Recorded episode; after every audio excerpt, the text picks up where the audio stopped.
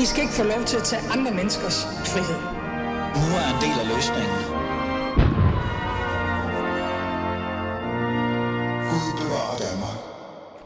Du skal fremover tænke dig om en ekstra gang, når du vil bruge Koranen som indgangsgrill i det offentlige rum. Eller Bibelen, eller Toraen for den sags skyld.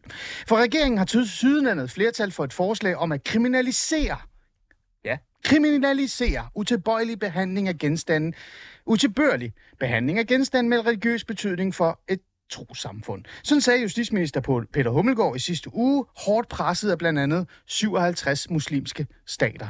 Men er det et historisk eller altså, er det et historisk mod ytringsfriheden, eller er det bare de voksne, der omsider sætter en stopper for højre, højre radikale provokationer?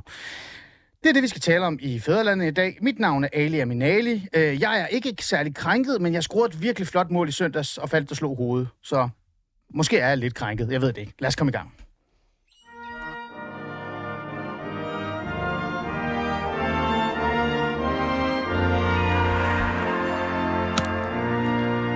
Og apropos krænket, så elsker jeg jo mine lyttere, fordi I er jo konstant krænket, lytter om I fra højre og venstrefløjen. Og det kan I jo så blive her i dag også, fordi I kan bruge jeres krænkelse til at skrive ind til programmet på 92 45 99 45, 92 45 99 45, og komme med jeres kommentarer, jeres spørgsmål, eller idéer om, hvordan vi alligevel godt kan bruge Koranen eller Bibelen, eller øh, Toran som indgangsgrill. Skriv ind, så finder vi ud af det. Jeg skal nok finde øh, en parkering eller et eller andet parkeringsplads, måske. Jeg ved det ikke. Jeg kan ikke finde ud af det. Men vi skal i hvert fald tale om det her med mine gæster i studiet, og jeg tænker sådan, der er jo mange i studiet i dag, så måske er den nemmeste måde at tage en runde øh, og finde ud af, hvem er egentlig for og imod øh, den her idé, den her, det her forslag om det her forbud.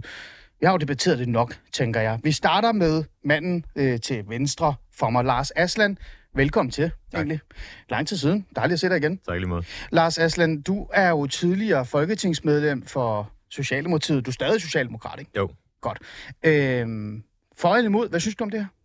Jamen, jeg, er, jeg er imod et forbud. Altså, det er primært, synes jeg, at man ikke skal give efter for, for udemokratiske lande, eller, eller give efter for vold. Okay, så det er, sådan, det er den, der, der er pointen for dig. Det er det der, man giver, man giver op nærmest, ikke? For andre. Jo, helt klart, og så mener jeg sådan grundlæggende, fordi nu ser du det med højrefløjen. Jeg, jeg mener, det er venstreorienteret faktisk at være, øh, være religionskritisk, og det synes jeg er vigtigt. Mm. Jamen, det var meget godt øh, fornuftigt sagt, synes jeg. Nina Bunde, velkommen til. Du er jurist, og så er du formand for Dommerfuldmægtig Foreningen. Ja, det var foreningen, ikke? Jo, og jeg har i kraft af at være medstifter af gruppen Paty, opkaldt efter den franske dræbte lærer Samuel Paty. Sådan, så er det sagt. Nina Bunde, hvad synes du om det her forslag? Er du for eller imod det? Øh, jeg vil ikke uh, sige, om jeg for imod, før jeg ser det, det sådan, som det endelig kommer til at stå. Jeg håber ikke, det kommer til at stå, som det står nu. Det ja. siger lidt om, hvad jeg tænker om det. Jeg har noget imod den proces, der har været, og hvad vi blev stillet i sigte, mm. hvad politikerne har sagt som grunden til det her forslag, og hvad man har spurgt den danske befolkning om, inden man lagde op til det, jeg vil kalde den største indskrænkning af den danske ytringsfrihed i nyere tid. Mm. Interessant.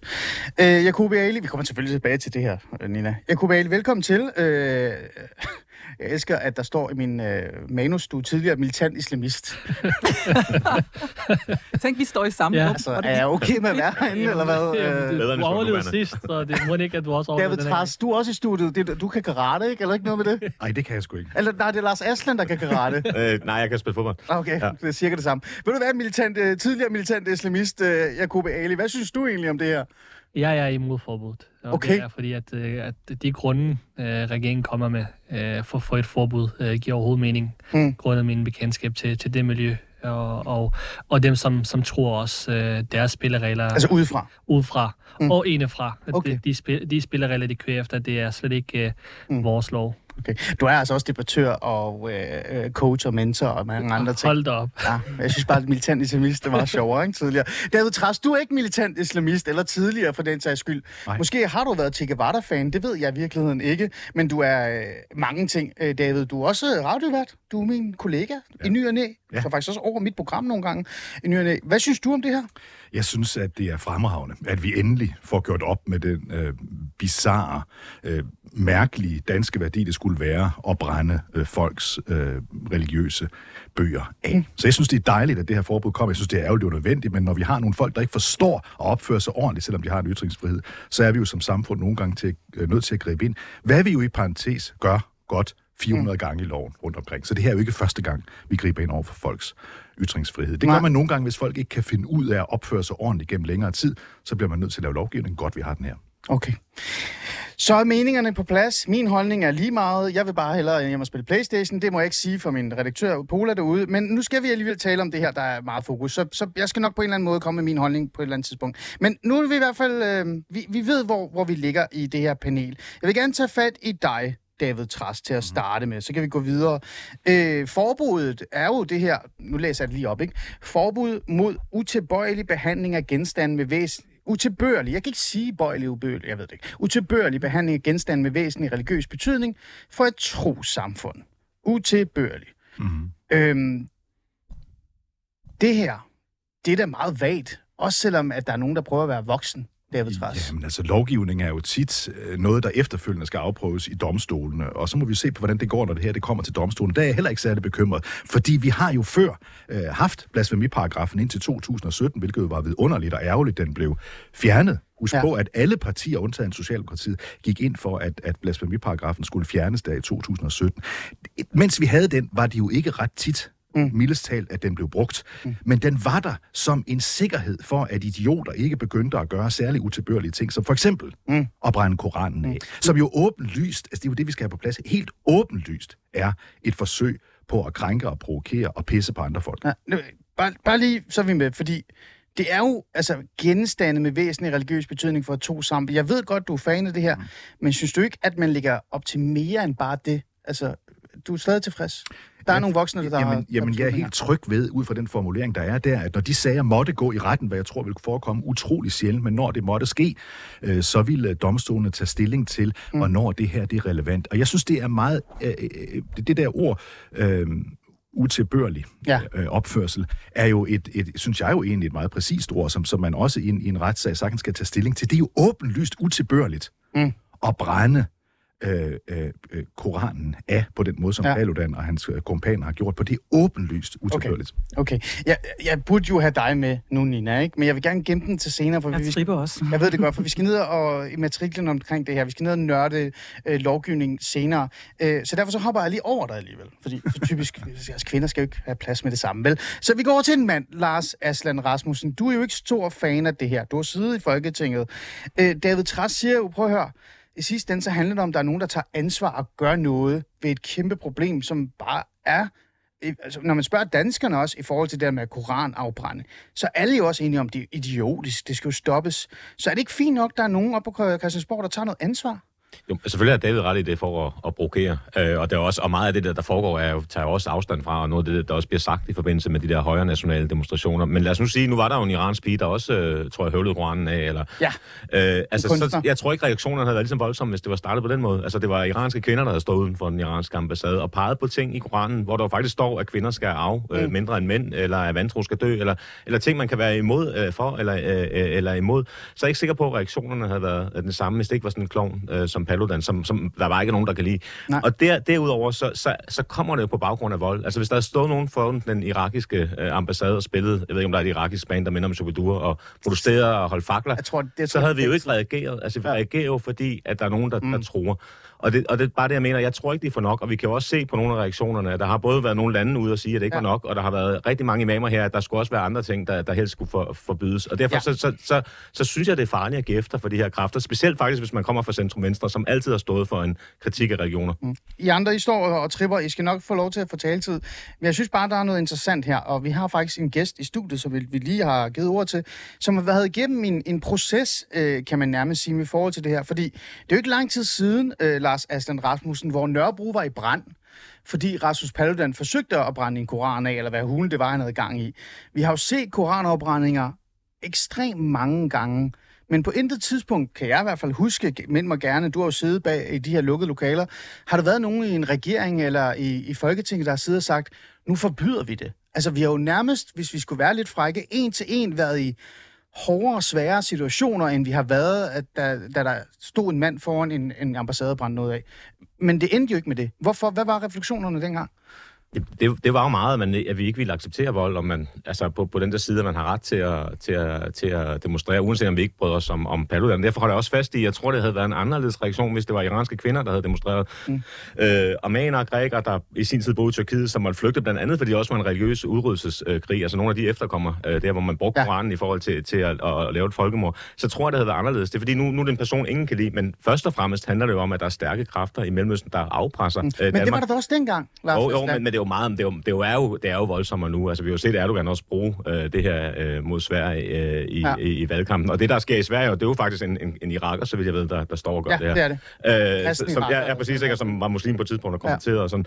Så, så, så, så, så, der er ingen tvivl om, jeg synes, vi gav efter. Jeg synes, pressen har svigtet ved ikke at gå til nogle af de der lande, altså kritisere nogle af dem, hvordan de behandler deres øh, mindretal. Altså et iransk præstestyre, der er på banen i den her muslimske organisation, der hænger homoseksuelle for kraner. Altså der beder også om at, at lave et forbud mod at brænde en bog, man selv men, har købt. Det, det, er du, det, det fair point, men Lars, altså, jeg skal bare lige forstå, hvad der egentlig der er sket op i hovedet på Socialdemokraterne, for eksempel også andre. Er det bare Ukrainekrigen? Altså er det det her, øh, den her pres, der er kommet, fordi der er nye tider, som har så har gjort at man så ændrer mening. Man, man står ikke fast øh, på et standpunkt og en værdi, man ellers havde, dengang du sad i Folketinget. Jeg ved ikke præcis, hvad der sker, men der, der er jo forskellige holdninger til, i det her til, i Socialdemokratiet, og det, det, det er også det, David siger, og det, det synes jeg er, er, er rigtig fint. Det er jo ja. ikke sådan en altså, vi er medlem af, og, og det skal da også være, være være plads til. Jeg så også, at jeg havde en kollega, der sad i Folketinget, der synes man også måske skulle begrænse Mohammed-tegninger lidt. Så ja. der, der, der, det var der også under Mohammed-krisen meget forskellige øh, forhold til, til Helle Thorning og Svend mm. holdning til, til det her. Men jeg tror da helt klart, at det handler om, om det pres, der er øh, mm. for, fra, fra blandt andet øh, Tyrkiet. Mm. Æ, Nina Bunde, ja, du markerer... Lige, lige lidt kort historik. Nu nævner du blandt andet øh, Firouzja Khan, som jo stod og rev et, mm øh, en koran på et, øh, på et rivjern foran den iranske ambassade. Jeg var der selv og så den kunsthappening. Øh, hun har gjort det her tilsvarende i, i mange år. Altså første gang jeg bemærkede den var for nogle af 15 år siden. Hun ja. har både pisket koranen, fordi iranske kvinder bliver øh, pisket til lyden af, ja. af, af koranvers. Hun har makuleret Koranen, hvor hun så manifesterede en genfødsel. Hun gjorde det med, med makulatoren mellem sine ben og ja, på fødte ikke? Koranen ned på et bedetæppe. Ja. Det er sådan rigtig stærke øh, ytringer, som nu og det har Hummelgaard sagt direkte, øh, bliver, øh, ja. bliver, bliver forbudt. Det er lige en del af historikken i forhold til det her. Ja, der har mm. været den slags øh, utilbørlige handlinger, mm. længe før Paludan hovedet havde fundet ud af sit game og fandt ud af, at det virkede og gav opmærksomhed. Ja. Og så noget til historikken. Hvad der er sket med Socialdemokratiet? Hvad der er sket med de to andre regeringspartier? Ja. Hvis man går tilbage til, altså det er måske bare klæbejern, hvis man går tilbage til, hvad der skete, da man afskaffede blasfemiparagrafen, så sagde Mette Frederiksen meget direkte, at hun ikke kunne forstå, hvad man skulle bruge de her afbrændinger til, og den her forhåndelse. Men S var jo, som øh, David også rigtigt nævner, i massivt undertal og stod som det eneste, men hun gav alligevel den her, øh, den her kommentar med på vejen. Tager man det citat og sammenholder med det, med, med det første citat, der kom fra Trine Bramsen om det her, det jeg kalder prøveballonen. Det var i forsommeren af den ja. her øh, 26-dages debat, har det efterhånden været ja. lidt mere. Der sagde hun ordret det samme, som Mette Frederiksen sagde. Så når du spørger os i dag, mm. hvad der er sket, mm. så vil jeg sige ingenting. For S er præcis der, hvor de var dengang, man afskaffede den meget tynde, øh, mm. øh, nærmest ubrugelige eller ikke brugte blasfemiparagraf i det her frie, næsten fuldt sekulære samfund. Mm. Man har bare øh, foreslået, hvor man slap, og det var med den utilfreds holdning, mm. at øh, blasfemiparagrafen, den skulle ikke være afskaffet, nu får man den tilbage igen. Mm. Plus moms, vil jeg sige. For det er ikke kun blasfemiparagrafen, nej. det er ikke kun afbrænding. Men, jeg lover at holde igen og, nej, og sige, fint, hvorfor nej, nej, nej, nej, det må du gerne. Men... Og så synes jeg, inden vi løber ind i forslaget, vi er nødt til lige at huske, hvad der skete i den her agurketid, hvor det her det bullerede der ud af i pressen. Ja. Det var, hvad var det, vi var sat i udsigt? Lad os lige huske, hvad der var. Jan E. Jørgensen, Lars Lykke Rasmussen, øh, øh, hvad hedder det, øh, Søren Gade. Altså, de var hele øh, hele parken var sendt ud for at gøre reklame for det her. Det var de hyggelige aftenprogrammer, hvor man sagde til danskerne netop, det her det er jo mobning og forhåndelse, og det er jo faktisk nogle af de ord, du også bruger, David mm. Og så fortalte man danskerne, det her handler om gentagende, forhåndende, målrettet, altså de repetitive øh, øh, afbrændinger foran ambassaderne på deres fortov, nævnte man specifikt. Man ja. så for sig, hvordan den stakkels ambassadør slog gardinerne fra, kiggede ud af vinduet, kiggede Paludan og patrioterne og øjnene og havde det rigtig, rigtig dårligt. Man gjorde det også foran måske hvor vi så optrin til også konfliktoptrapning, altså folk, der kommer ud fra moskéerne, og helt forståeligt nok og helt åbenbart var meget følelsesmæssigt påvirket øh, og også oprevet. Det er altså ikke det, man har taget højde for i det forslag, der er kommet nu. Det skal man huske, når man taler om det her. Også når vi taler om debatten. Og du gør det også lidt, David. Du holder fast i det afbrændingerne. Det er Paludan, det er patrioterne. Hvis det var en Lex Paludan, vi havde fået, så kunne vi holde fast i den her debat. Vi har fået noget, der er meget meget større og meget mere omfattende, end det vi har diskuteret de sidste knap to måneder. Hvad, hvorfor er det, det er så omfattende? For så kan David Træs få lov til at svare lige om lidt. Hvad, hvad, hvad er det, du synes, der er så omfattende ved den her? Hvilken synsning? Det er jo lovkommentaren. Har du læst øh, de fulde lovkommentarer, David? Nej, nej. Godt. Så kan jeg få lov til... Åh, mm-hmm. oh, du kan tage dig lidt i skole, David. Det er egentlig lidt hyggeligt. Hvis man ikke bare lige læser de der første fire linjer om utilbørlig mm. behandling af de væsentlige religiøse symboler. Det er ja. det, vi drøfter nu. Ja. Så hopper man ned i lovkommentarerne, så ser man også lige de kommentarer, der er knyttet til fra Hummelgård. Mm. Det er ikke kun på ambassadefortorv eller foran moskéerne. Nej. Det er hele det offentlige rum. Det vil sige, hvis Paludan står ude på Sønder Fjellebakke Mølle, øh, Vang og brænder en koran, så er det også omfattet. Mm. Det er ikke kun det offentlige rum, det er også gået ind i vores stuer. Fordi hvis du vælger at transmittere det, det vil sige, at du har en, et par hundrede eller 200 følgere, som synes, at, at, at du er the game på SoMe, så er det også omfattet, fordi du har nemlig fortsat villig til at udbrede det til en større kreds. Ja. Det er ikke kun det, du laver fra efter i krafttræden. Der står faktisk også, at det skal, at det Palo, eller ikke Paludan, undskyld, Humlegård kommenteret, at hvis man begynder at genudsende nogle af sine gamle øh, øh, utilbørlige handlinger, så skal det også være omfattet. Det vil sige, at Paludan kan ikke bare trykke repeat og genudsende sig på sine SoMe-kanaler. Okay. Øh, hvis han gen, altså, transmitterer det på ja. ny, vil det være omfattet. Ja. Det er ikke kun, jeg er nødt til at tage hele listen. Jamen, det, ja, bare kom med den, ikke? Ja. Det er ikke kun de hellige, hellige, uh, hellige skrifter, det er ikke kun Koran, Torah, det er Bibel. Det er alle væsentlige symboler. Vi nævner blandt andet krucifixet. Jeg har set Antichrist, voldsom film. Der bliver gjort noget med en kvinde og et krucifix, som hører til der, eller måske på nogle meget dyre OnlyFans-konti. ja. Det er også omfattet, fordi krucifixet er et væsentligt religiøst symbol. Tørklæder er dog omtaget sammen med kalotter og andet, andet stof, der har været igennem øh, en, en symaskine. Så vi skal igennem, hvad er de væsentlige symboler? Det er ikke kun for de her store verdenstrosamfund, altså de 1,5 øh, milliarder muslimer osv. osv. Det er alle trosamfund. Asatro, øh, Flying Spaghetti Monster. Hvorfor nævner jeg dem? Jo, fordi trosamfundet skal ikke engang være godkendt. Det vil sige, nu ved vi blandt andet, at Rasmus Paludan er ved at etablere et trosamfund. Hans religiøse øh, væsentlige symboler vil så i så fald også være omfattet. Ja. Det er ikke kun originalet, altså ikke det altså reelle hellige bog eller, eller symbol. Jeg har været nede i, jeg har tit været i, i Vatikanstaten, gået ind i en, en turistbutik, så jeg købt et eller andet, et, en eller anden genstand. Ja. Og det kan godt være, at den har været igennem et samlebånd, hvor der har stået en, en præst og velsignet det. Det vil jo være en original, det vil være en af dem med værdi i, en af dem, vi græder over, når vi beskadiger. Det er også vellignende kopier. Det er ikke kun den mobning eller forhåndelse, du taler om, David. Det er også kunst og politiske ytringer. Det her, det håber jeg også, du vil indse, er meget, meget mere omfattende end det, du indledte med at præsentere, nemlig Paludan-forhundelserne. Det går helt ind i vores stuer. Ja. Det går hele vejen. Ja. Det kunne næsten ikke være blevet større. Øh, David Tras, mm-hmm. når, nu har du fået det uh, womansplanet uh, lovgivningsmæssigt. lawsplained. lawsplained. Woman lawsplained. Ja det er jo ekstremt omfattende, David, det her. Ja, men er det altså, stadig at være voksen? Ja, det er det. Og selvom, selvom jeg ikke havde læst øh, øh, lovkommentaren ja. i detaljer, så var jeg jo godt bekendt med de ting, du nævner her, for de har jo været en del af den debat, øh, der har været, og det synes jeg kun er, er, er fint, øh, Nina. Jeg rystes ikke over det. Jeg synes, det er godt, at den her lov tager, giver mulighed for, at vi går videre end bare til det, som Paludan for eksempel helt konkret har gjort lige nu. For vi ved jo, Paludan, det så vi jo i Berlingske Tidene, som øh, Tjenst Ville stod til rådighed med et opkald til ham et kvarter efter, at det her forslag var kommet ud, at han straks havde 100 andre idéer til, hvordan han ville omgå det her forbud. Sådan er han, og vi er også nødt til at håndtere den virkelighed,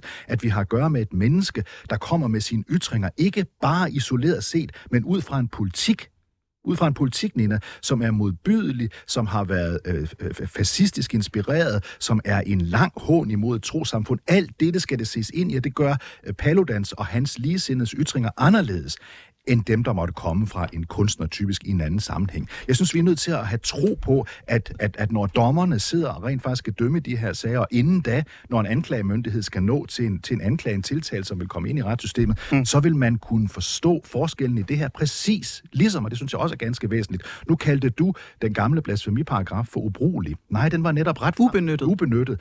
Ja, undskyld, ubenyttet. Det var også det var, var, var min point. Det rigtige ord er ubenyttet. Den var jo ikke ubenyttet, for den betød jo, den betød jo, at folk ikke stod og brændte øh, koraner af, for eksempel. Den betød, at folk vidste, at der var en risiko for, at man blev dømt for noget. Hvis nu øh, man gjorde noget, der var langt over stregen, så havde vi blasfemiparagrafen. Den var der til at dæmpe folk. Så lovgivningen, det ved du jo også alt Men David, om, og den betød, at Firouzja Bashar Khan, hun stadig makulerede det er lige så voldsomt. Jamen, at hun stadigvæk rev den i stykker. Øh, øh, nej. At hun stadigvæk piskede den. Det gjorde hun ja, før ja, blasfemiparagrafen. Ja, men, det her, men du, du, nævnte du, selv, du nævnte du selv lige før, hvorfor var der forskel på de ting? Jeg tror også, Lars Asland var inde på det. Hvorfor reagerer vi på den ene måde på den anden side? Det er fordi, det er to forskellige sammenhænge. Det er to forskellige sammenhænge.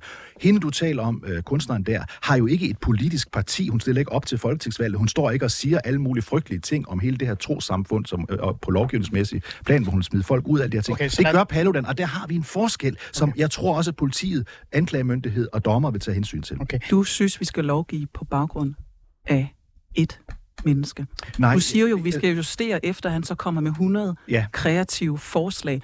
Det er ikke sådan, jeg mener, Nej. og det mener også faktisk er udansk. Ja. Det er faktisk singulær lovgivning. Ja. Det er, at man går ind og målretter, øh, de har næsten sagt det mig ord, med, med nålestikskirurgisk præcision, ja. mm. den her lovgivning mod en specifik situation. Ja. Den eneste gang i Danmarks Nej. historie, man har kendt en lov grundlovsstridig, det var singulær lovgivning ja. i Tvindloven. Mm. Jeg synes, det er dybt problematisk, at vi faktisk sidder og kører et fuld forløb med en retspolitisk meget vigtig diskussion ja. om 6 millioners menneskers, ja, så meget siger babyer ikke, men, men 6 millioner menneskers ytringsfrihed på baggrund ja. af en person. Ja. Netop fordi du anerkender, David, du får lige til lov til at svare hurtigt her. har en legitim grund til okay. at lave voldsomme Nina, handlinger mod Nina, En mands handling Øh, kæmpe lovgivning. Nej, jeg sagde jo utryggeligt lige før, da du gennemgik alle de andre muligheder, at jeg synes, det var fint, at man lavede den her bred, lov, bredere end til kun at ramme Paludan. Ikke mindst fordi vi så, at Paludan gjorde med sine 100 forskellige forsøg på omgående. Vi har jo også set, at, at folk er sådan brudt ud fra Paludan, for så at gøre det i Danske ja. Patrioters regi eksempelvis. Så vi er nødt til at gøre den her bredere, sådan, okay. så vi ikke bare er afhængige af, at det er en person, der gør noget, men at vi også har en lov parat, hvis en anden idiot stiller sig op på samme måde som okay. Paludan. Jeg har lovet mig selv, at jeg aldrig vil blive pæt debat, hvor alle bare står og venter til de siger noget. så blev det det alligevel. Men, men ved du hvad, det, er stadig, det her program er meget bedre end Pet. Ja, det er det. Øh, Jacob Ali, du har stået helt stille og, og kigget på mig nærmest sådan lidt gudsfrygt. Ikke? Altså, du tog ikke hånden op, det er jeg glad for. Det gjorde du sidste gang. Øh, prøv at vi gør jo det her, fordi, eller regeringen gør det her, fordi de vil forholde sig til dem, som David taler om. Mm. Øh, men vi gør det også, fordi, at vi skal beskytte nogen. Mm. Og jeg tænker sådan, nu har jeg jo prøvet at få sjovt nok, nu siger jeg det højt. Jeg har jo faktisk her de sidste par dage, faktisk to uger nu, forsøgt at få øh, troende muslimer. Øh, og når jeg siger troende muslimer, så er det folk, der reelt set har en holdning til Koranen, har en følelse til Koranen tilknyttet, til at komme i studiet og fortælle mig, hvorfor det er så godt det her. Men der er ingen, der vil være med. Så nu får du lov til at være talsperson for, for resten, cirka. Øh, vi gør det jo for at forsvare nogen. Øh, tror du, de sidder og er rigtig glade lige nu? Har de vundet? Føler de en form for sejr? Øh, ja, men øh, det er ikke den sejr, vi forstår. Det er ikke den sejr, hvor vi tænker, okay, nu øh, de, vil, de, de vil være tilfredse. Øh, Fordi vi beskytter dem mod islamofobi eller racisme og sådan noget? Overhovedet ikke, det er overhovedet ikke. Og jeg tror, at den her lov kommer til at føre til endnu mere racisme. Det er det, jeg frygter allermest. Hvordan, hvordan kan mere fordi, racisme? Fordi jeg tror, at de helt almindelige, almindelige danskere, som også har noget imod Paludan, jeg tror ikke, der er nogen her øh, i, i det her panel, der, der, der klapper i hænderne, når, når Paludan han opfører sig sådan her. Men samtidig ser vi, at, at, at vores ytringsfrihed, er det mest dyrebare, vi har. Mm. Og at øh, vi er på, på, bag, på baggrund af ham. Og så skal vi også huske på, at, at alt det her er jo sket på grund af en reaktion. Hvis reaktionen ikke har været på, øh, mod Paludan, vi har jo ikke haft den her diskussion. Og det er derfor, nu kan jeg ikke huske, hvad det hun hedder, den her iranske... Firoja. Ja, Firoja. Hun har jo gjort det før Paludan. Mm. Men der har ikke været en reaktion. Nej. Men hvis der også har været en reaktion mod hende, så har vi haft den samme debat. Så alle de, alt, alle de problemer, vi har i det, det er på mm. grund af en reaktion. Ja. Og så prøver vi efterfølgende at sige, at vi gør det for at beskytte minoriteter. Vi, vi gør det for at beskytte minoriteter. Vi gør det for at beskytte. Problematikken er, at det er jo dem, der skaber reaktionen. Mm. Ja. Det er jo dem, der skaber reaktionen. Og i seks år, vi har bare ladet det ske. Mm. I seks år, vi har bare brugt masser af millioner kroner, ja. skattekroner Men... for at beskytte Paludan, og for at gøre det, de brændte halvdelen af Nørrebro af, ja. de brændte uh, Tingbjerg af, de ja, brændte uh, Vestegnen af, og faktisk pro-ISIS-folkene, de ja. stod i forreste række ja. for at gøre det, for netop at skabe den her reaktion. Og jeg, den her, den har jeg ikke nævnt før. Nej. Jeg kan huske, at dagen før, at Nørrebro blev brændt af, der ringede Københavns politi til mig og sagde, jamen Paludan, han kommer til, fordi han skulle dagen før skulle være i Mølnerparken. Ja. Og der sagde han, vi har brug for hjælp, vi har hørt, at Paludan han kommer, og vi, vi er rigtig bange for, at der vil ske her, sådan og sådan og sådan. Vil du ikke være sød og hjælpe os og snakke med jeres medlemmer, at de ikke skal dukke op? Og jeg sørgede for, at ingen dukkede op. Og der skete intet i Mølnerparken. Nej. Så det, det handler ikke om, at vi som øh, politiet eller som retssystem, vi ikke kan gøre noget i det her land, og vi ikke kan fjerne de her trusler, der er imod os. Mm. Problematikken bare er, at vi har bare ladet det ske, mm. og til sidst kommer der nogle trusler imod os, og så bruger vi de her trusler, fordi det er det, som Jeg, jeg, jeg har da bare sådan, det er det, som danskerne forstår. Det er det, som vi forstår. Vi har, vi, vi har nemmere ved at forholde os til, at vi, vi snakker om tær. Ja. Men i virkeligheden, det her, det handler ikke om tær. Hvis det, hvis det handlede om tær, mm. så havde vi gjort det for seks år siden, fordi vi ved godt, hvem, hvad det er for nogle mennesker, vi har med at gøre. Men lad mig lige prøve, øh, og det, det, er, jo, øh, det er jo en virkelig øh, øh, god point, du kommer med, men bare for at skære det ud i pap, jeg har jo sådan en idé om, at det danske samfund som jeg sagde før, 90 måske, måske procent, det er mine procenter, ikke? at danskere er jo mod koranafbrænding. Mm. Altså, så jeg har hørt Inger Støjberg... Det er der sådan set lavet opinionsundersøgelser. Jo, jo, men altså, det er jo en lille opinionsundersøgelse. Jeg snakker om, hvis vi virkelig, virkelig spurgte alle, ikke, så mm. tror jeg, at over 90 procent af danskerne vil sige, vi kan ikke lide, du brænder koranen af. Det er dumt. Øh, men, men nevertheless, så er der jo sådan en form for reaktion, der så handler om, at vi skal beskytte minoriteter, øh, muslimer, fordi vi kan ikke lide, at de skal have det skidt. Mm. Ikke?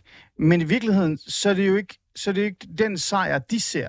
De ser det som noget andet. De ser det som en sejr, fordi de har en anden, et andet mål. Jamen, det er et andet mål, og det er allerede blevet spurgt, der har jo været demonstrationer efterfølgende, efter lovforslaget kom, det har det været, hvor, ja. hvor, hvor de, altså helt almindelige muslimer, øh, unge og voksne, bliver spurgt omkring, hvad så er det næste skridt? Må vi så gøre det? Må vi så gøre det? Må vi så gøre det tredje? Og så siger de alle sammen, nej, det skal alle sammen forbydes. Mm. Og jeg tror altså, at det her det er jo en gylden chance, fordi igen så snakker vi om det symboler, religiøse symboler, som har en, en stor betydelig, øh, øh, betydelig øh, hvad hedder det, Øh, det ved jeg ikke, et eller andet for... Et eller andet, ja, har stor betydning, ja. Præcis, ja. stor betydning i, i religion.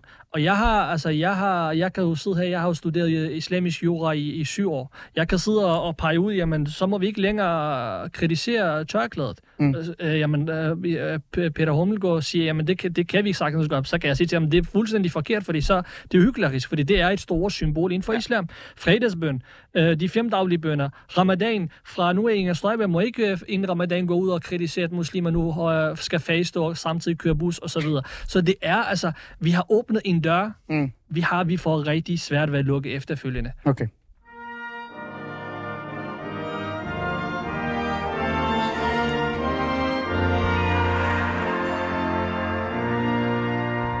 I, I lytter til Fæderlandet. Jeg står stadig op, selvom jeg har øh, smadret mit, øh, mit hoved. Men, men det går rigtig fint. Vi har nogle rigtig gode gæster i studiet, som hjælper mig med at tale, så jeg kan slippe for at spørge omkring noget som helst. Nina Bunde, jurist, formand for dom, Dommerfuldmægtig Foreningen. Du er med. Jacob Ali, tidligere militant islamist. Øh, men nu er du debattør og coach og mentor. Øh, nu er du sådan...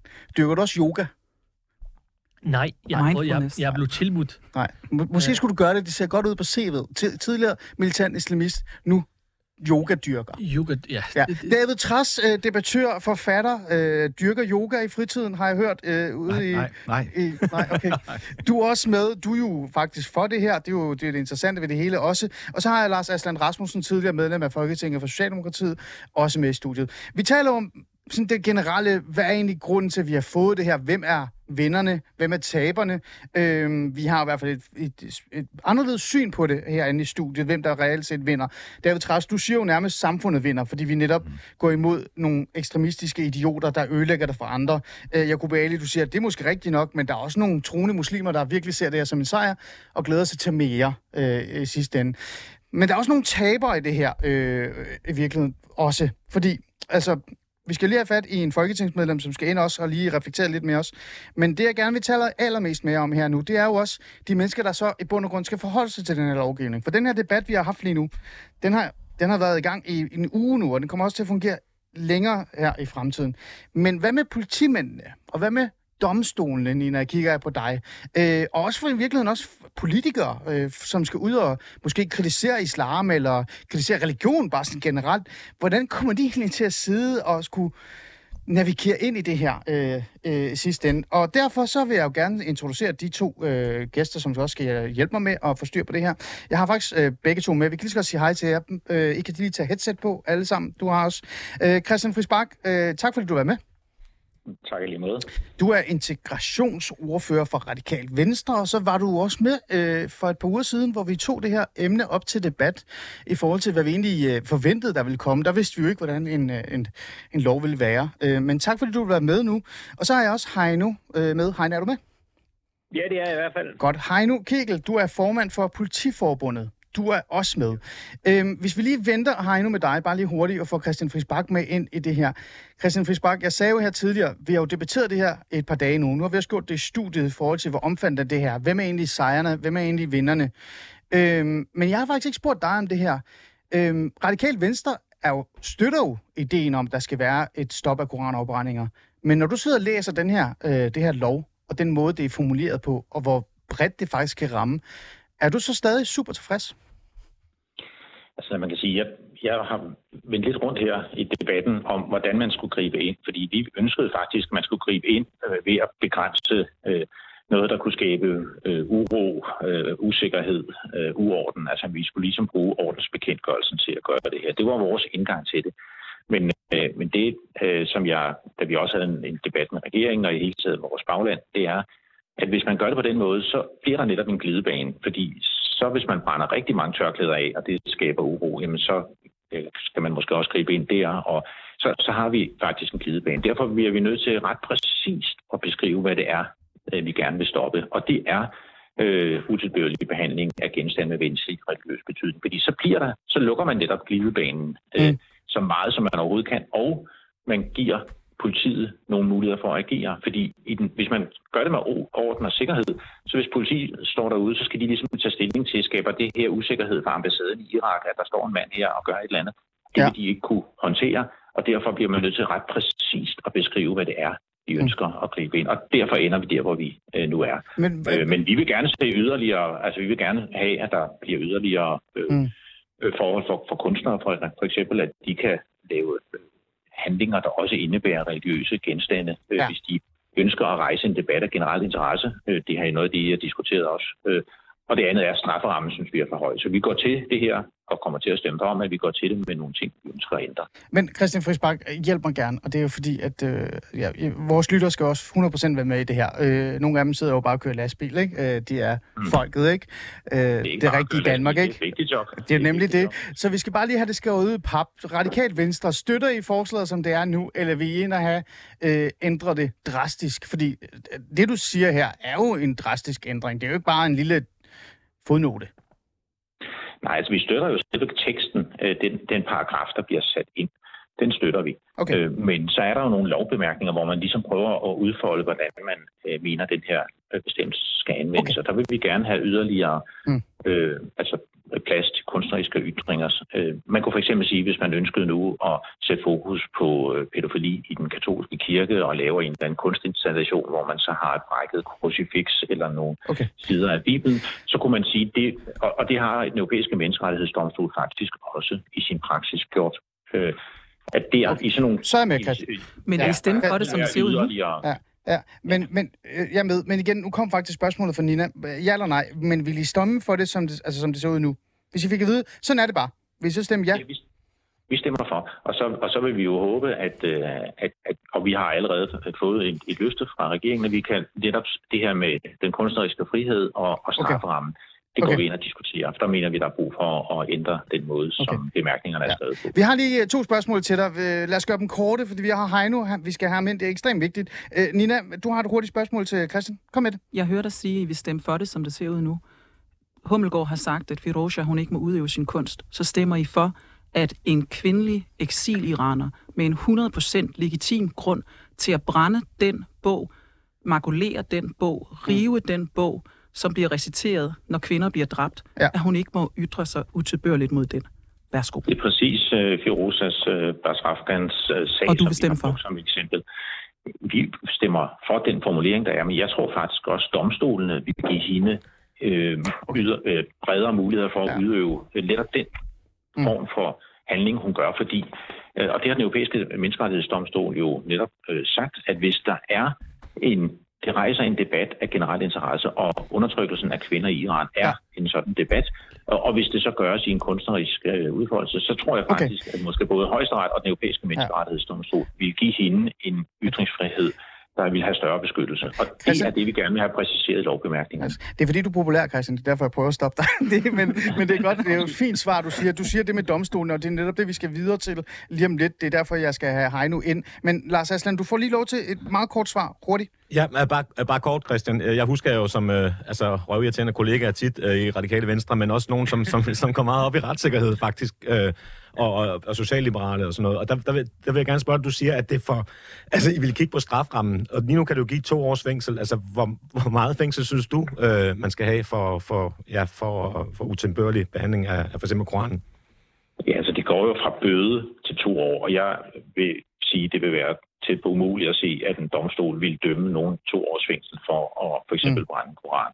Så jeg tror, at domstolene vil finde fornuftig leje, men det vil vi også gerne uh, se på i den her lovbehandling, at okay. vi ligesom får en enighed politisk om, at det vi ønsker er ikke to års fængsel, fordi det er jo, der er jo meget voldsom kriminalitet i Danmark, som ligger i den samme straframme. Okay. Øh, men det her er jo, fordi det ligger i en paragraf, hvor det også er, er, er der ligger en mulig andre ting, nemlig at hvis man krænker den militære øh, sikkerhed, ja. og der er landsforræderi og alle mulige andre ting i den her paragraf, øh, yes. og derfor kommer straframmen derop. Det skal okay. den ikke være i praksis i hvert fald. Det vil okay. vi gerne sikre. Det var jo klar tale. Nu skal vi have Heino ind i studiet. Jeg har ikke glemt dig, Jacob øh, Du skal nok komme ind. Heino Hegel, du er jo, lad mig lige sige igen, velkommen til. Du er forbundsformand for Politiforbundet. Og grund til, at jeg har dig med, det er jo fordi, nu bliver der sagt igen, øh, man har en forventning om, at man kan stole på domstolene, men også generelt bare staten, og også for den sags skyld politiet, at de nok skulle kunne lave de rette vurderinger. Det er jo det samme, der blev sagt, Heino, da jeg interviewede Bjørn Brandenborg, som er retsordfører for Socialdemokratiet i fredags. Øh, jeg smed en masse scenarier i hovedet på ham, og hans svar i sidste ende altid var, det var det, han altid konkluderede til sidst, det var, jeg regnede med, at domstolene og politiet nok skal kunne vurdere øh, øh, det rette. Øh, Heino, du gik ud og lavede et øh, tweet, der hedder, lovgivningen skal være klokkeklar. Det vigtigste for politiforbundet i forhold til forbud mod afbrænding af hellige skrifter er, at ingen politifolk kommer i klemme, når de nye retningslinjer skal hånd- håndhæves. Hvordan har du det så med lovgivningen lige nu? Øh, er den klokkeklar? Ja, men jamen, tak fordi jeg må være med. Men, øh, og, og, og vigtigt for mig lige at orientere, og pointere her fra start, at vi er jo hverken for eller imod i politiforbundet. Mm. Men, men vi er jo sat i verden for at varetage vores medlemmers interesse. Og det er vi, derfor er vi også nødt til at sige nu her, at øh, når man nu indfører sådan en lov, så, så er der altså brug for fuldstændig klokkeklar øh, retningslinjer, så det ikke er den enkelte polititjenestemand, øh, der fra gang til gang øh, skal for, øh, hvad kan man sige, fortolke lovgivningen. Og i særdeleshed øh, i sådan en situation, hvor der er så stor politisk bevågenhed, ja. så er det ikke øh, deres skøn, øh, som så skal gøre, om de skal have røven i klaskøjet eller ej. Nej, det er jeres. Øh, Men er den så klokkeklar? Altså, synes du? Heino? Er den klokkeklar? Ja, det synes jeg jo ikke endnu. Nej, det synes jeg jo ikke endnu. Nej. Og det er jo derfor, at øh, når det nogle gange kommer i høring, blandt andet hos Politiforbundet, så har vi jo selvfølgelig en holdning til det, og så vil vi komme med nogle bemærkninger. Ja. Men der er jo mange ting. Altså, hvad er hellige skrifter? Hvad er godkendte trosamfund? Hvad er mm. utilbørlig behandling? Ja. Jamen, det, jeg synes, der er utilbørligt, det er jo ikke sikkert, at du synes, det er utilbørligt omvendt. Øh, og borgerne har jo brug, altså vi lever af befolkningens tillid, så når, så når vi øh, optræder i det offentlige rum og, og, og sigter nogen, så skulle det gerne være sådan, at, at når vi sigter nogen, så holder det også efterfølgende. Så skal det ikke være sådan, at vi bliver underkendt af domstolen efterfølgende. Nej. Øh, så, så derfor skal lovgivningen være klar, når mine kollegaer skal stå og, og, og skal håndhæve den. Og, og, og det gør vi jo gerne. Altså, vi er jo sat i verden for at påse, at øh, gældende lovgivning til enhver tid bliver overholdt. Øh, mm. Og det gør vi også, men vi har bare brug for, at den er klokkeklar. Mm. Gerne ligesom færdselsloven. Ja. Jeg har talt med et par øh, politifolk. Øh, I skal nok komme ind her i studiet. Jeg har talt med et par politifolk op til det her øh, program, øh, fordi jeg har nogen, der jeg nu kender privat. Og jeg spurgte dem sådan, hvad er egentlig mest bekymret for? Og en af dem, han sagde sådan til mig, han er faktisk han har med minoritetsetnisk baggrund, han sagde, prøv at høre, det her det ender med, at jeg skal stå at lave en vurdering, der handler om ret, øh, statens sikkerhed, og jeg ved ikke hvad. Og det er mig, der skal stå og forsvare og forklare, hvad politikere sætter i værk. Og det gider jeg ikke, for det er ikke min, mit opgave, altså min opgave. Øh, er der noget øh, farligt i det her også i forhold til politiet, og også senere domstolene, at det i sidste ende så ender det med, at det er dem, der skal sidde og finde ud af, hvad er egentlig en krænkelse, og hvad er egentlig en altså, utilbøjelig eller utilbørlig, eller hvad fanden det hedder, øh, øh handling? Jamen, men, og, og det er jo i dag igen, altså vi lever af befolkningens tillid. Altså når, når vi optræder og, og, og måske kommer det hen til, hvor vi skal håndhæve sådan et, øh, en lov, så, så, så er der brug for, at, at mine medlemmer ikke står i tvivl. Fordi der er så meget bevågenhed omkring det her, så, så uanset hvad de gør, om man sigter eller undlader, så vil de få kritik, sådan som det ser ud lige nu. Så derfor er man nødt til at have noget, der er mere konkret, så der ikke er nogen tvivl, når der er nogen, der, der gør et eller andet. Okay. Så er det en overtrædelse af, af lovgivningen, og så bliver de også efterfølgende dømt. Ja. Lad mig lige få David Træs ind. Øh, David, nu skal du huske, øh, er ikke med for at have holdninger, men alligevel synes jeg, der er noget, der er interessant her, fordi du sagde, Det er jo nærmest klokkeklart. Det, alle kan jo forstå det, når det er de ord, der bliver brugt. Her sidder der en, en mand, øh, en fagperson, der skal forholde sig til det her i praksis, mm. og siger, altså, det her det er ikke engang i nærheden af det. Nej, nu er det jo en ny lov, og i en ny lov, der kender vi jo ikke allerede den præcedens, som domstolene måtte komme med. Det giver sig Nej. selv. Jamen, jeg siger det bare for at sige, det er jo meget normalt i lovgivningen, at der står ting, hvor der skal foretages vurdering. Lad mig give et eksempel. Blufærdighedskrænkelsesloven, der er der for eksempel en passus om, at man ikke må komme med upassende seksuelle bemærkninger. Ja. Så her skal politiet jo, når en eller anden ringer ind, vurdere, er det, som der nu er sagt, faktisk en upassende seksuel bemærkning, eller er det ikke? Så det er jo helt normalt, altså når folk sidder der ved vagthavene i politistationen, tager stilling til, om det her det er noget, vi skal gå videre med, eller ikke gå videre med, så har man en præcedens, fordi man ved godt ja. nogenlunde, hvor det ligger hen. Det ja. samme gælder for eksempel truende okay. Øh, adfærd over for andre mennesker. Så du jeg, siger, siger det kun, jeg siger det kun, Ali, for at sige, at det er lidt kompliceret, når vi starter med en ny lov, man ja. stilling til, til ting ja. på forhånd. Men jeg føler mig, ligesom Christian Friis Bak så fornuftigt sagde lige før, at der, det her kommer jo ikke til at stå helt alene. Der er den europæiske menneskerettighedskonvention, der er domme fra den europæiske domstol, der er FN-erklæringer. Hvad ved jeg, der vil betyde, at, at, at, at for domstolen vil man meget hurtigt afklare, hvornår er der faktisk tale om noget, vi skal dømme for inden for den her nye lov, mm. hvornår er der ikke. Det skal vi nok, øh, det er helt tryg ved, at domstolen ja. kan finde ud af. Jamen, så er det jo nemt, øh, Nina Bunde. Så er der jo ikke noget at være bekymret for, øh, og heller ikke for Heino, øh, for den sags skyld, fordi når der så kommer en sag, og der kommer præcedens for det, så kører det jo bare ud af landevejen. Det første, man gør som øh, dommer eller domstolsjurist, når man skal træffe afgørelser, hvis man ser en sag, man ikke har set før, så dykker man det sted hen, hvor det er rigtigt at se, hvordan man skal tolke bestemmelsen, når man er færdig med sin ordlydsfortolkning. Det er lovforarbejderne lovforarbejderne er ikke bare sådan en åben pose ingenting. Der står en masse præciserende kommentarer. Der er godt 22 sider. Jeg håber, alle danskere læser de her 22 sider om det her øh, forslag om forbud. Og dem læser man grundigt igennem, og så finder man flest mulige retningslinjer dernede, også på, på strafudmåling. Det er mm. helt normalt, at man gør det i grundigt dygtigt øh, lovforarbejde og høj kvalitet, som Justitsministeriet normalt leverer. Jeg er enig med Heino i, at det her er ikke klokkeklart. Ministeren har fået mange spørgsmål på eksempler på, hvad der kunne ske må øh, krucifix-situationen i Antichrist, er det en mulighed, ja, ja. eller nej? Det må domstolen og politiet afgøre. Hvis vi nu tager den helt hele tiden, det er domstolen. Domstolen. domstolen. Jamen, sådan er livet, det, sådan er, livet jo. Det er korrekt. Ja. Der er en forskel i alt det her, David Træs. Det er, nu nævner Heino tilliden for, det, til, til, til borgerne. Til, fra borgerne til vores... Vi er det højst tillidsvækkende system i verden. Det vil vi gerne bevare. Mm-hmm. Men så er der en spiller også, som er blevet nævnt i øh, lovforarbejderne, som er blevet nævnt af de tre minister, der stod på række. Det er de udenrigspolitiske kræfter. Mm. Det er, der er trusler fra al-Qaida, der er trusler fra Hezbollah, der er trusler fra det miljø, som du kender så meget til. Og de siger jo direkte, som det foregår lige nu, det nævner Lars Løkke specifikt, jamen når vi står der med en betjent, som gør et eller andet, så bliver det brugt til propaganda. Præcis. Nu forestiller vi os, det kommer til at ske betjent X eller Y, som ja. står derude i marken, skal lave den her her nu vurdering, som bare roligt en eller anden dag om 15 år øh, med vores sagsbehandlingstider lander ved den europæiske menneskerettighedsdomstol. Hvis han på det tidspunkt træffer den forkerte beslutning, så det første, han får ballade fra, det er det propagandasystem, som står klar til at bebrejde den statslige ansatte betjent, som ikke gjorde det, han skulle i den situation. Det er altså ikke hverdag i normal politiarbejde. I normal politiarbejde, mm. så kan man højst blive øh, skældt lidt ud af en Brøndby-fan, eller en ægtefælle, der bliver sur over, sur over for at blive fjernet fra sin ekskærestes adresse, ja. en HR-rocker. Det her, det er altså på et ja. helt andet niveau end i vant. Ja. Derfor skal det være klokkeklart. Ja. Og hvorfor skal det det? Men, Fordi det her, det er et politisk ønske.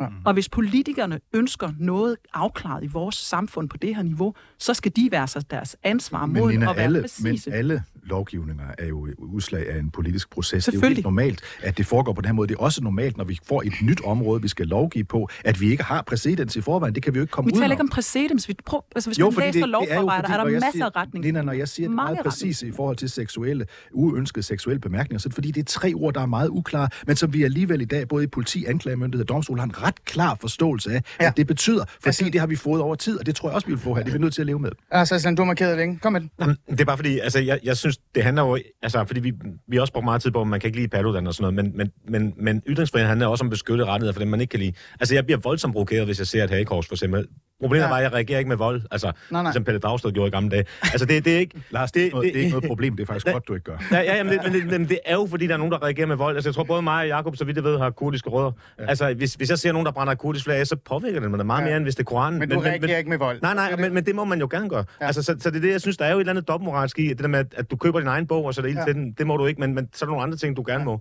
og, det, og, og, det er jo det der, det er jo voldsmandens veto, som jeg synes, der er et problem, ligesom med Mohammed-tegninger. Ja. ja, og det er jo så det, domstolene skal i virkeligheden også sidst den forhold, Nina. Vi bliver nødt til lige at nævne øh, det her, før vi går videre. Vi har en gæst endnu mere i studiet, som jeg skal have med i forhold til det sidste emne, og det skal vi bruge syv minutter til minimum. Det her, det er også domstolene. Det er jo domstolene igen og igen og igen og igen. Det er dem, der skal lave præcedens for det her. Det er dem, der skal forholde sig til det her. Øh, Christian Friisbak nævnte jo en lille smule, Christian Friisbak, du er stadig med jo. Øh, ja. Hvis der er nu nogen, der brænder tørklædet igen og igen og igen og igen og igen, der står tørklæde i, i selve skriftet, ikke? Det er undtaget. Men hvis det bliver brugt igen og igen og igen som et symbol, der skal brændes af, så bliver domstolene nødt til at forholde sig til det også er. Hvis tørklædet bliver kritiseret og der kommer den her islamofobiske propaganda efter os, så bliver domstolene måske også presset til at sige, jamen du må heller ikke måske kritisere tørklædet sidste ende, for så er vi også derovre. Er det den glidebane, du er bange for, at domstolene sidste ende bliver nødt til at sådan give slip og bare sige, jamen, så må vi jo bare følge, og så er alt nærmest øh, krænkelse? Er, er det mig, du spørger nu? Nej, jeg spørger Nina. Nå, jeg kigger på Nina dybt i øjnene og vil gerne vide, hvad... hvad... Nej, hvis man, hvis jeg kan man, ikke se dine øjne. Nej, man, det også, ja. jeg, var, jeg troede faktisk også, den var rettet til Christian. Undskyld. Nej, jeg vil ikke vide dig. Man beder domstolen om at i bund og grund rydde op i den usikkerhed. Det gør vi selvfølgelig hver dag. Det giver, det giver David ja. ret i. Men det her, det er jo et så atypisk politisk ønske, så man må give flere retningslinjer. Det, man har mulighed for at gøre, det gør blandt andet det, Christian Bak nævner her. Ja. Vi synes faktisk ikke, at, at, at, at kunstneriske ytringer skal være med. Øh, systemkritikere. Ja. Øh, hvad med de øh, minoritetsreligioner, som er flygtet fra en, en, ja. en, en ja. majoritetsreligion? Ja. Altså, hvad med at sætte de retningslinjer ind, så vi ved, det er noget, I har gjort jer tanker om? I skal faktisk også i lovforarbejder give os nogle retningslinjer. Okay. Det har I ikke gjort pænt. Så hvis man gør det, så kan det godt lade sig gøre, men som det står lige nu, vi, så kan det ende vi hvor som helst. Vi kan også håndtere usikkerhed, ja. men det, de, bedste, altså de bedste afgørelser får man på klar øh, lovgivning af høj kvalitet. Okay. Vi bliver nødt til lige at gå videre. Christian Friisbak, du bliver bare stående lige der, hvor du er.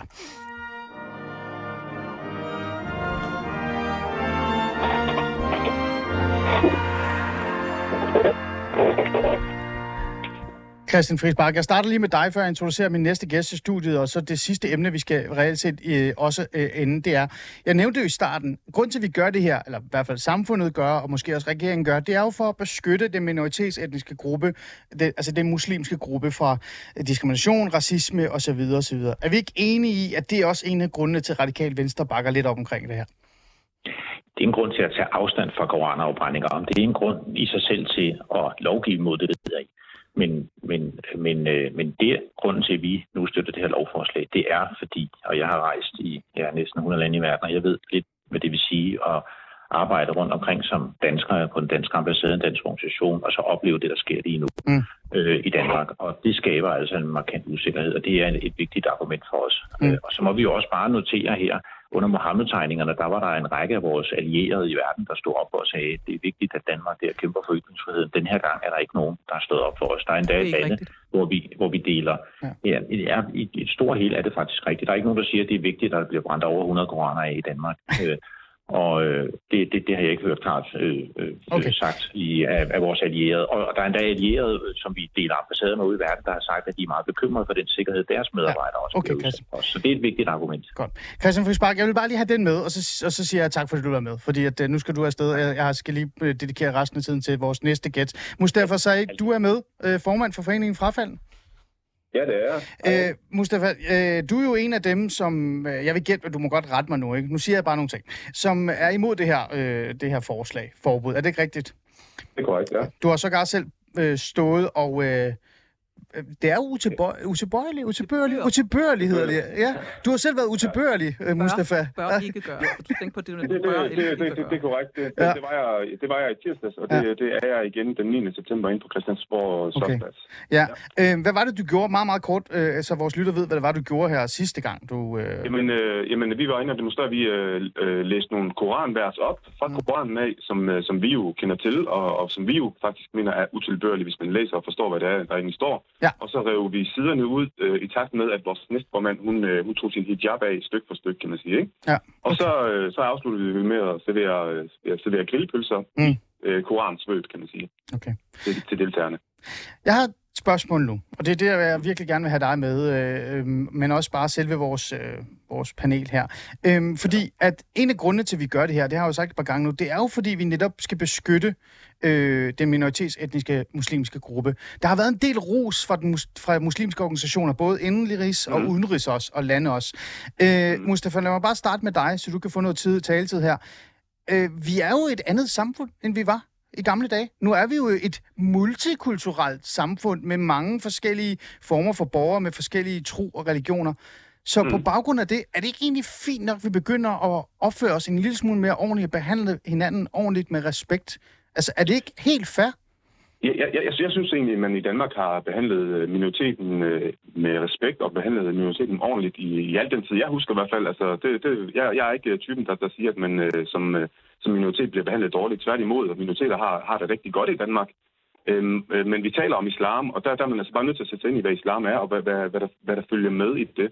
Øhm, hele den der snak om respekt øh, i forhold til islam, det er, mm. det er i virkeligheden en kæmpe fejl, fordi, altså nu er ærlig, altså, det er jo ikke mennesket, vi har et problem med, det er jo ideologien, det er religionen, vi har et problem med. Altså jeg som eksmuslim har jo forladt islam af en årsag, ja. fordi jeg simpelthen ikke kan, kan, kan stå inden for det, som islam påbyder mig og, og fortæller mig, at jeg skal gøre eller være. Ikke?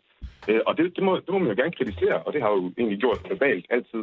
Ja. Øh, altid øh, med, med savlig kritik. Øh, man kan sige, nu er jeg så ude at være utilbørlig, som man kalder det, men det er simpelthen bare et protest over for det her øh, vanvittige forslag, ja. som jo kommer af, at man har vil bøje af for, for nogle islamiske lande, som netop ikke behandler minoriteter ordentligt, som netop ikke behandler homoseksuelle, homoseksuelle ordentligt, eller frafaldende, eller kvinder i det hele taget, ikke? som har nogle, nogle lovgivning og, og, og en blasfemiparagraf i deres lande, så det, det forstår jeg ikke, at man i Danmark lige pludselig vil begynde at bøje efter, og så kalder man det respekt og så videre. Ikke? Og i virkeligheden det handler det om, om at få...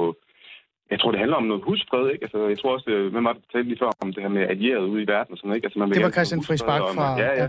Det er sådan et ønske om, om at få husfred, men, men det, det er ikke det, man får. Man får slet ikke modsatte. Mm. Det, det er ja. erfaring. Okay. Ja.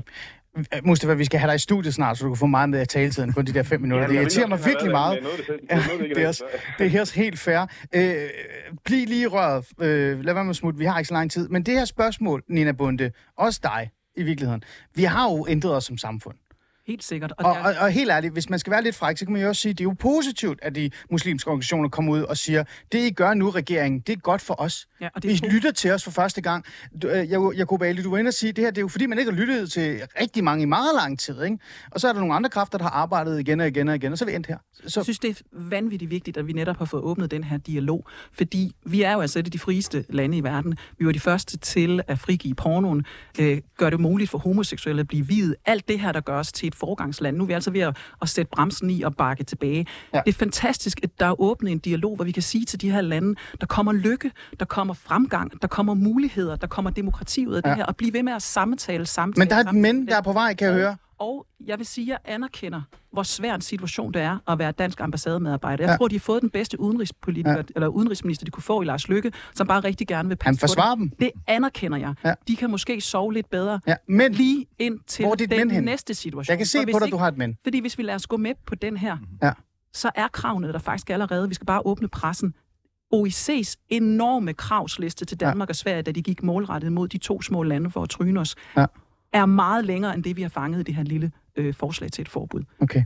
De, øh, det er en tryghed med stakket frist. Meget kort, Lars Aslan, du markerede. Jacob Ali skal også lige Der er bare kort de lande, der presser Danmark. Altså, organisationen af islamiske stater har jo ingen respekt for minoriteter overhovedet. Ingen. Og der synes jeg, at danske, øh, den danske presse og politikere svigter ved også at gå kritisk til den. Ja. Okay. Og når man hører, jo, når man hører interview ja, Tyrkiet, så tænkte de på, jeg... de tænkte ikke på det her, de tænkte Nej. på inflation og på jordskælv. De var ligeglade med, hvad der skete ja. i Danmark. Det var i scenesatte demonstrationer. Mm. Øhm, Jacob Ali, jeg vil gerne give dig rød, men det får du alligevel ikke, for du får Mustafa. Han har ikke fået så meget til. Mustafa, du sagde, du vil gøre det her igen. Ikke? Og igen og igen og igen. Øh, hvad med, hvis det endte med, at du lige pludselig fik to års øh, dom for alt det her? Øh, er det er det, det værd? Jamen, jamen, det må det jo være. Det må det jo være, fordi altså, det, er jo, det er jo fuldstændig absurd, at, at der overhovedet er et forslag, der hedder to års fængsel for det, fordi hvad er det helt præcis, vi siger? Altså, er der, er der nogen i studiet? Det må jeg gerne være ærlig også. Jeg tror, det var David, der var ja, fortæller for. kom med det hurtigt. Lad, lad mig spørge David. David, hvis du, i, i forhold til det nazistiske manifest omkring det her med at dræbe jøder, er det noget, du respekterer? Nej.